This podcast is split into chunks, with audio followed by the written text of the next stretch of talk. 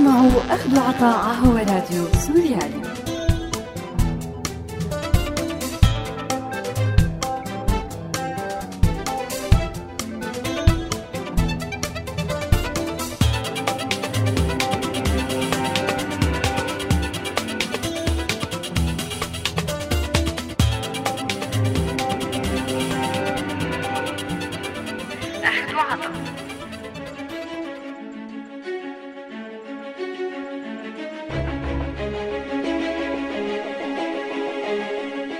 أعزائي المستمعين أهلا وسهلا فيكن برحب فيكن أنا مايا بحلقة جديدة من برنامج أخذ وعطا. وبذكركن أنه هذا البرنامج بالتعاون مع مبادرة كلنا مواطنون.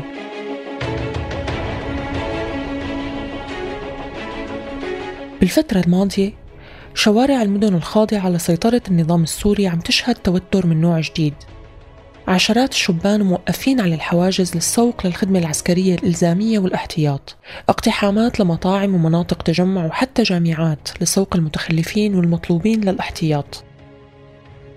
تجارب عن تعامل مهين وضرب وتخويف للشباب وعن تمزيق أوراق التأجيل وتجاهل الإعفاءات على الرغم من عدم صدور أي تعديلات بالقوانين الرسمية الخاصة بالتأجيل والإعفاء من الخدمة العسكرية.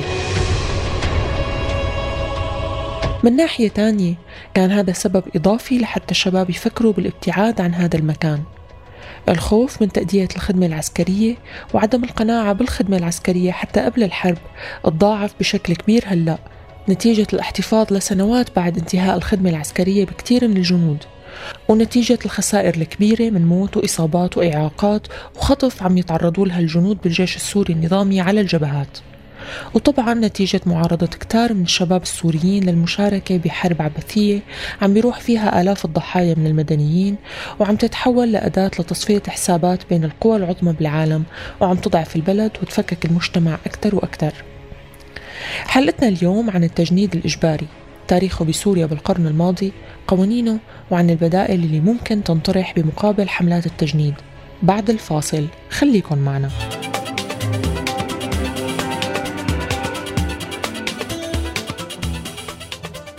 أهلا وسهلا فيكم من جديد. خلونا نبلش أول شي مع هذا الاستطلاع.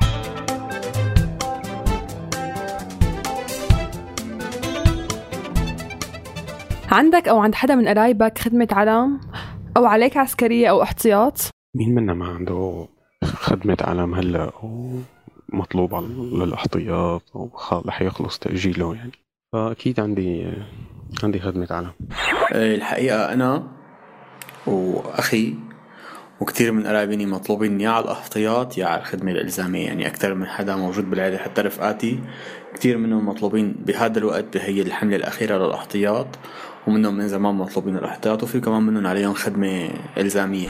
إيه أنا علي عسكرية وبس كنت عم أجل بشكل مستمر نظرا نظرا للدراسة. وقت خلصت جامعة سجلت دبلوم تأهيل تربوي مشان بروح على العسكرية. طبعا سبب معروف إنه البلد بحالة حرب. هل اعتبرت أو بتعتبر هي التجربة أو الفكرة بتعزز علاقتك بوطنك وبتحسسك إنك عم تخدمه بطريقة معينة؟ طبعا قبل الحرب كان ممكن أنا يكون جوابي هو إيه بيعزز هذا الشيء طبعا حقول لك يعني وبصراحة مطلقة إنه نحن كنا مخدوعين بالفكر المقاوم وحماية الجولان واستعادته فكل هاي القيم والشعارات انت لما تخدم آه، خدمة إلزامية فكانت إنه تحس حالك إنه أنت رايح على هدف. ولكن بعد قيام الثورة و... ونشوب الحرب بالبلد فالموضوع اختلف آه، تماما. يعني بمعنى آخر أنه أنا ما فيني أروح أخدم آه، خدمة إلزامية ليس دفاعا عن الوطن وإنما دفاعا عن شخص جالس على كرسي توارثه عن أبيه. بس لأنه يقدر يمكن وجوده. فأنا لا هذا الشيء هلأ حاليا ما بيعزز عندي موضوع الانتماء للوطن أو الدفاع عن الوطن. هلأ سابقا واعتبرت الخدمة الإلزامية أو خدمة الجيش هي آه، واجب على كل شخص بيعيش بأي بلد مو بس بخصوص سوريا. خصوصا بعد ثورة مصر لما آه، لما وقت حسني مبارك لما سقط وكيف تصرف الجيش المصري وقتها فأنا كان عندي آه، إذا بدنا نقول إنه أمل بالجيش السوري إنه يعمل نفس الشيء وإنه هو خلق يوقف مع الشعب. بس بعدها توضح إنه هو الجيش كان أداة بإيد السلطة. وبعدين صرت أتعمق أكثر وأقرأ أكثر فعرفت إنه حتى النظام اللي هلأ هو موجود هو موجود عن طريق انقلاب عسكري. آه للأسف ما بشوف فكرة الانتماء للجيش أو آه، العسكرية بحد ذاتها هي هي وطنية. بعد ما تكون عبارة عن خدمة السلطة لتحقيق أهداف آه معينة يعني. يعني ما حدا كان متوقع إنه هو وقت يفوت على الجيش إنه يوصل الجيش لهي المرحلة يعني. كنا شايفين اللي عم يصير بسوريا. وإن كان في عم يصير عبارة عن تدخل خارجي والجيش عم يدافع عن الوطن بناحية أو بأخرى بس هو ما فينا ما فينا ننكر إنه كمان الجيش ساهم بقتل جزء كبير من الشعب يعني.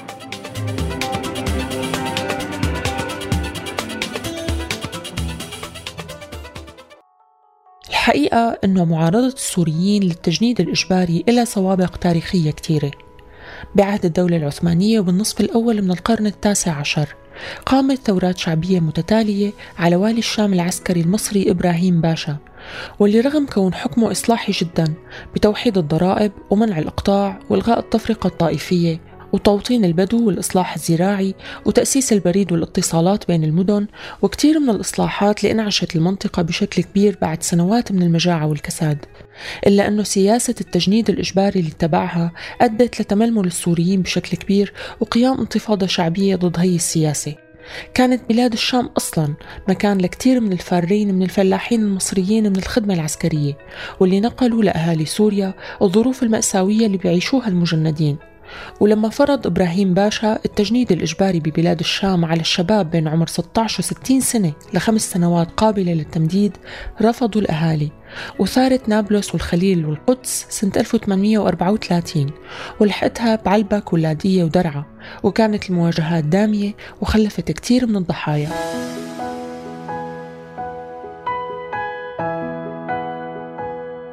كره الناس للسلطة بسبب سياسة التجنيد الإجباري بالذات روح كل أثر إيجابي للإصلاحات الاجتماعية والاقتصادية الكبيرة باعتبار أنه ما في أسوأ من إرسال شخص ما بده يروح على الحرب ليقاتل ويقتل ويقتل خاصة مع تمييع الهدف والنتيجة من وراء هذا القتال.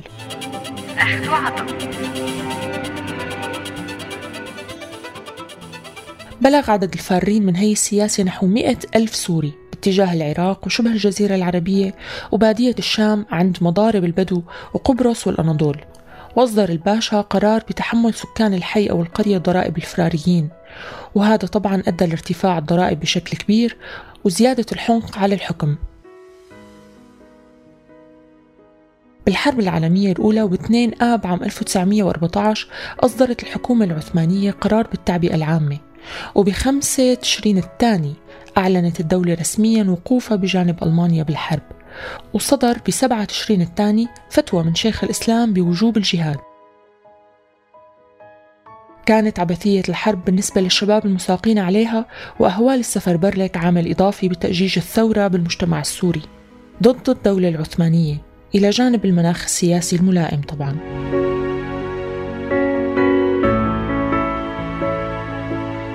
الجندية الإجبارية بالدولة العثمانية واللي عرفت بقانون أخذ عسكر الصادر عام 1886 كان إلها وقع الكوليرا بنفوس السكان بحسب كلمات الوالي مدحت باشا.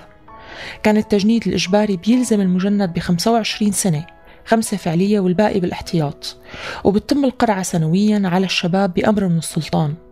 ورغم فتح باب التطوع ما كان يتجاوز 20 ل 80 سنويا وغالبا بدافع الفقر. وكان المعفي بهداك الوقت وحيد أمه والمتزوج بقاصرة. وسمح للغني بتخفيض مدة خدمته لخمس شهور داخل الولاية في حال دفع بدل نقدي هو 50 ليرة ذهبية. وببعض المناسبات وصلت قيمة البدل ل 200 ليرة ذهبية. وبشكل عام كانوا الشبان يلجأوا لإحداث عيوب دائمة بجسدهم أو الزواج بقاصرات أو الهرب من المدن بموعد القرعة للغوطة أو لأقضية أخرى ليهربوا من التجنين. وبهداك الوقت كانت المصيبة أنه المجند ممكن يروح على مكان كتير بعيد مثل اليمن أو البلقان. أماكن ما بيعرفوها أبدا ليقاتلوا بحرب ما بيعرفوا شو الهدف منها. تم تسريح الجيش السوري سنة 1920 مع بدء الاحتلال الفرنسي والغاء التجنيد الإجباري والنفير العام. ليرجع بضغط من الشعب سنة 1928 تأسيس جيش سوري بظل الانتداب. ويعتبر الأول من آب سنة 1946 هو التاريخ الرسمي لتأسيس الجيش العربي السوري وهو موعد استلام الحكومتين السورية واللبنانية للقوات المسلحة وكل ما يتعلق بإدارتها من سلطات الاحتلال الفرنسي. فاصل ومنرجع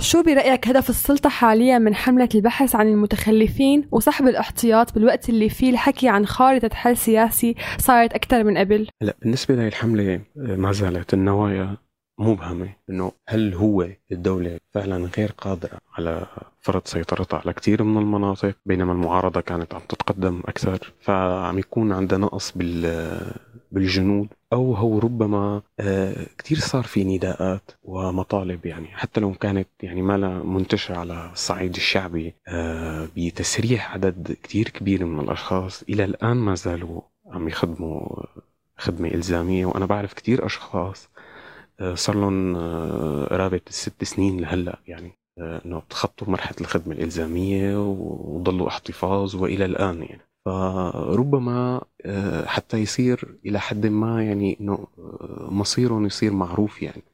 يعني أنا بعرف كثير أشخاص من المنطقة الساحلية عم يقوموا بهيك نداءات إنه إنه شو وضع لهدول الأشخاص يعني حلهم يتسرحوا.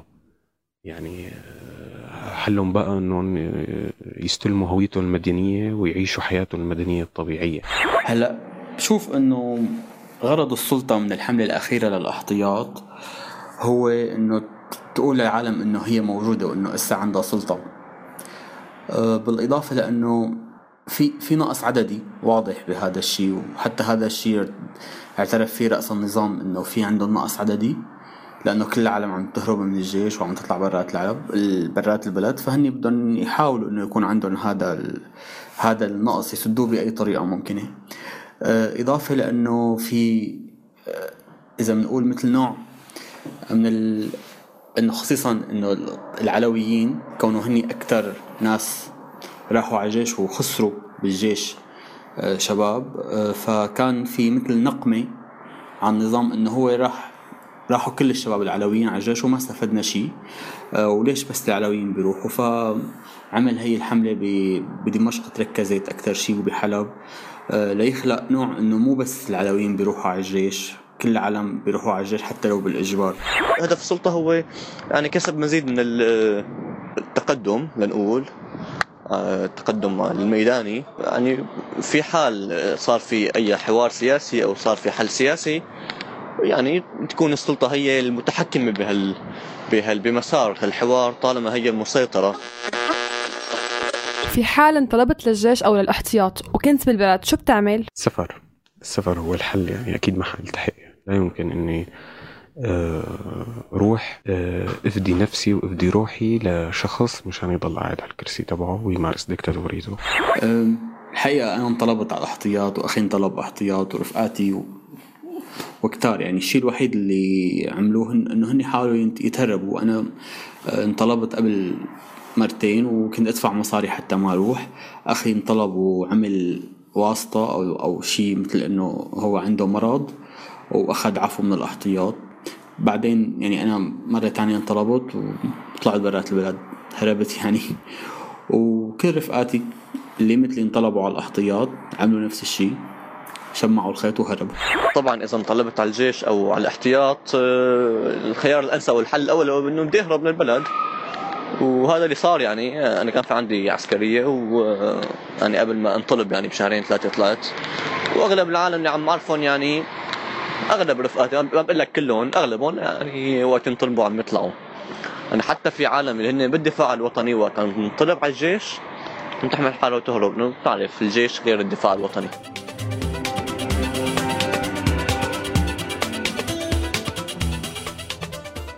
أهلا وسهلا فيكم من جديد. لقبل عشر سنين كانت خدمة العلم 30 شهر. صدرت عدة مراسيم كان آخرها بسنة 2011 بعد بدء الاحتجاجات بسوريا بكم شهر. تخفضت فيها مدة الخدمة لتصير 18 شهر.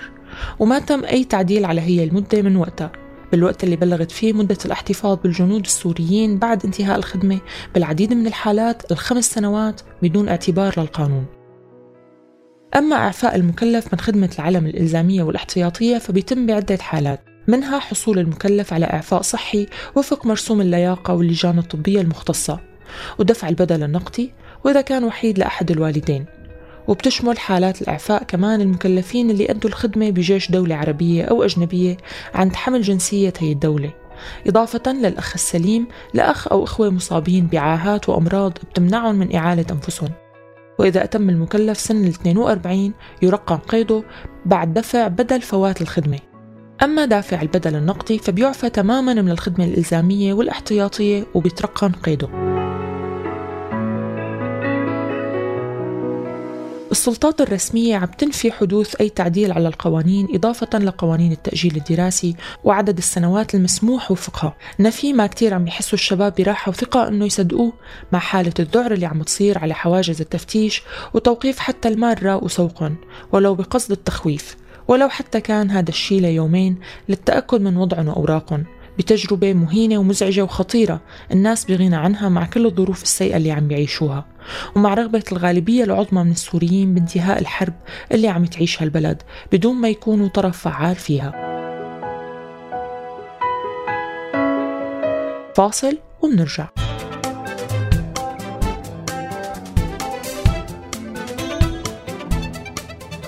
شو البدائل يلي ممكن تنطرح لتعديل القوانين المتعلقة بالخدمة العسكرية بشكل عام برأيك؟ هلا برأيي إنه لا يمكن الحديث عن موضوع البدائل عن الخدمة الإلزامية إلا في حال تم آه، تغيير جذري وحقيقي بالمنظومة السياسية للبلد ولكن في حال تم الأمر أو إذا أخذنا الموضوع بشكل عام فهو أنا بفضل موضوع الخدمة الوطنية الخدمة في الدفاع الوطني بيكون فيها تعزيز أكثر لمفهوم آه، المواطنة والمجتمع فهي الأنسب.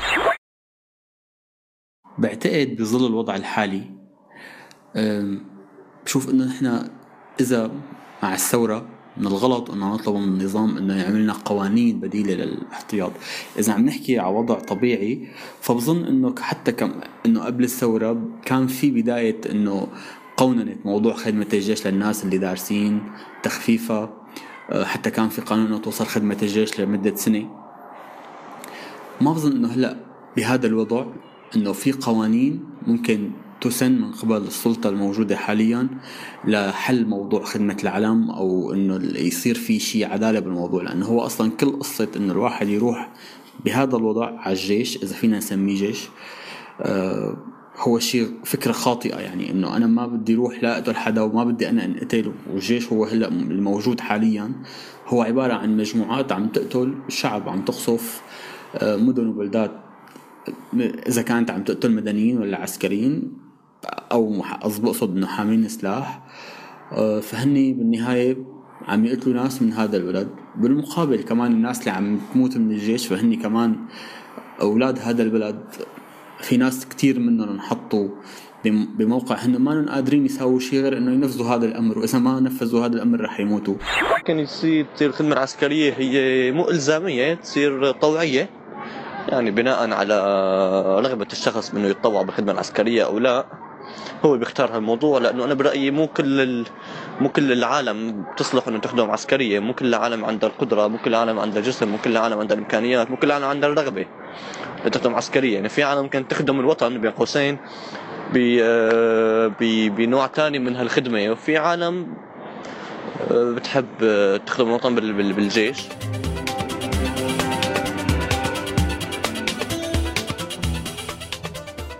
بعام 295 ميلادية تم استدعاء شاب بعمر 21 سنة اسمه ماكسيميليانوس للالتحاق بالجيش الروماني.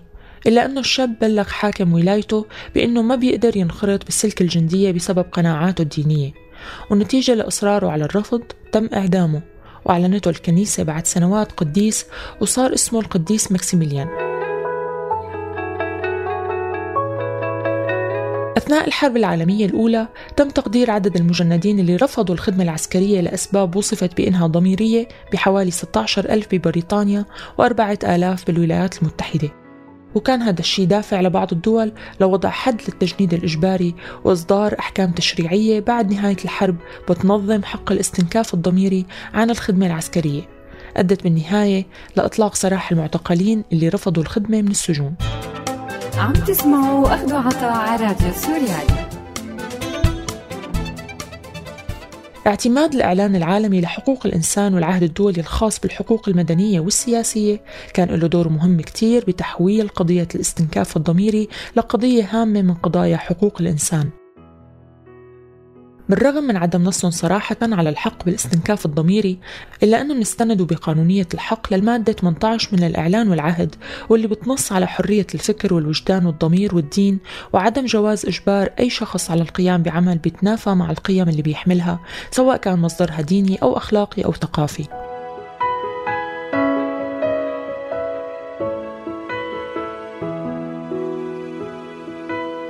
كثير من الدول تبنت حق الاستنكاف الضميري ضمن تشريعاتها. بعض اعترف بهالحق فقط قبل الانخراط بالخدمة الإلزامية ورفض النظر بطلب الاستنكاف بعد الانخراط بالجيش. وبعض الدول قبلت طلبات الاستنكاف الضميرية بالحالتين. وحتى في دول رفضت طلبات الاعتراض أو الاستنكاف الضميري من قبل المتطوعين للخدمة بالجيش وبعضهم قبلوها. الشيء اللي بيوضح تطور هذا الحق واتساع وجهة النظر القانونية والاجتماعية المتعلقة فيه لدرجة أباحت فيه قوانين بعض الدول فكرة الاعتراض الضميري الانتقائي اللي بيعترض فيه الجندي على ممارسة عمل معين أو المشاركة بحرب محددة أو القيام بنوع من العمليات لأسباب ضميرية. وكانت أستراليا من الدول اللي اعترفت بالاستنكاف الضميري الانتقائي بفترة الستينات وأثناء حرب فيتنام. وتجدد الاهتمام بالموضوع بفترة حرب الخليج سنة 1990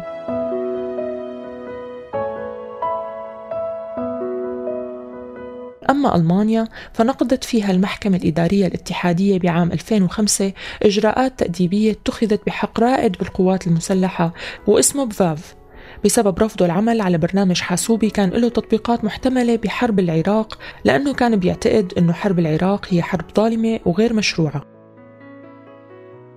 الرائد فاف ما طلب الحصول بوقتها على صفة المستنكف ضميريا وكان بيرغب بمواصلة عمله بالقوات المسلحة إلا أنه المحكمة اعتبرت أنه بيتمتع بحرية الضمير اللي بتخوله يرفض القيام بعمل معين أو المشاركة بحرب محددة لعدم مشروعيتها.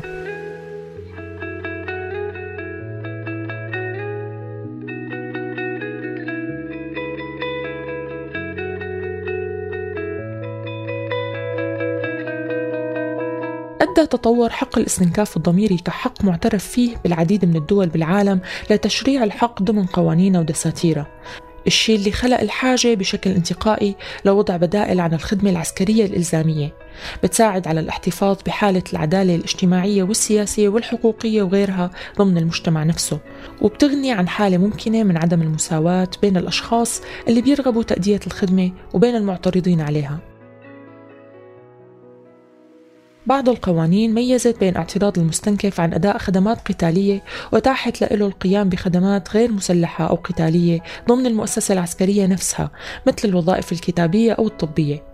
وبتسمح الولايات المتحدة على سبيل المثال بتقديم نوعين من الطلبات إما طلب صفة غير مقاتل وهذا الشيء بخول صاحب الطلب أداء الخدمة بالجهاز العسكري بشرط عدم حمل السلاح أو طلب الاستنكاف الضميري للأشخاص اللي بيعترضوا على المشاركة بالحرب وهدول بيتم تحويلهم لأداء الخدمات البديلة المدنية.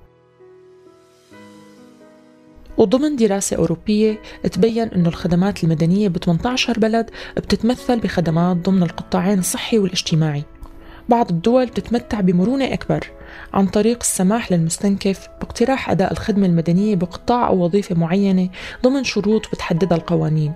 أما بالنسبة لمدة الخدمة فبعض القوانين بتتطلب مدة خدمة أطول للخدمات المدنية وبتعلل هذا الشيء بأنه أداء الخدمة ضمن الجهاز العسكري هو أصعب وأشد إرهاقاً. إلا أنه لجنة حقوق الإنسان بتنوه لعدم تحويل الخدمات المدنية لعقوبات أو فرصة لاضطهاد طالبي الاستنكاف الضميري. أما بسوريا فممكن يكون البدل المالي عن الخدمة العسكرية ما هو إلا نوع من المرونة بتتيح الفرصة للسوريين لعدم أداء الخدمة الإلزامية بدون ما ينوه القانون لحق الاستنكاف أو يعرف فيه كمفهوم موجود ومتطور بقوانين ودساتير كتير من الدول بالعالم. واليوم نتيجة تعقد الأزمة السورية والتدخلات العسكرية فيها بتظهر الحاجة الكبيرة لتعرف السوريين على حق الاعتراض أو الاستنكاف الضميري على أداء الخدمة الإلزامية بحرب صارت عبثيتها واضحة لأغلب المجتمع السوري. وصار الخيار بالنسبة للشباب اللي بقيوا مقاومين كل ضغوط الحرب هو السفر كبديل عن الالتحاق بالجيش. مع العلم أنه قانون اللاجئين لعام 1951 بيتيح طلب اللجوء بناء على حق الاعتراض أو الاستنكاف الضميري وبيلزم الدول قبول طلب اللجوء بناء على هذا السبب هل يعتبر الشباب السوري اللي ما التحقوا بالجيش اليوم مستنكفين ضميريا عن الحرب؟ ممكن يكون هذا سؤال كبير بيحتاج لدراسة موضوعية وممكن يكون تصرف بيحتاج لننظر له بطريقة مختلفة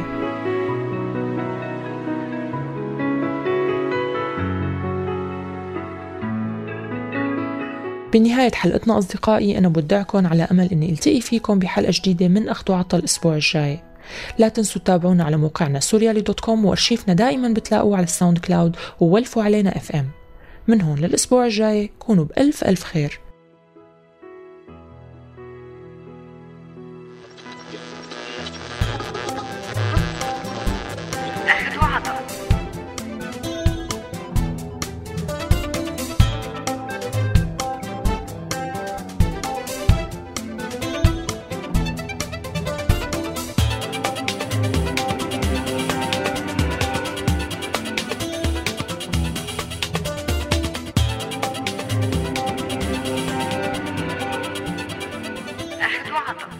هذا البرنامج من إنتاج راديو سوريا ل 2015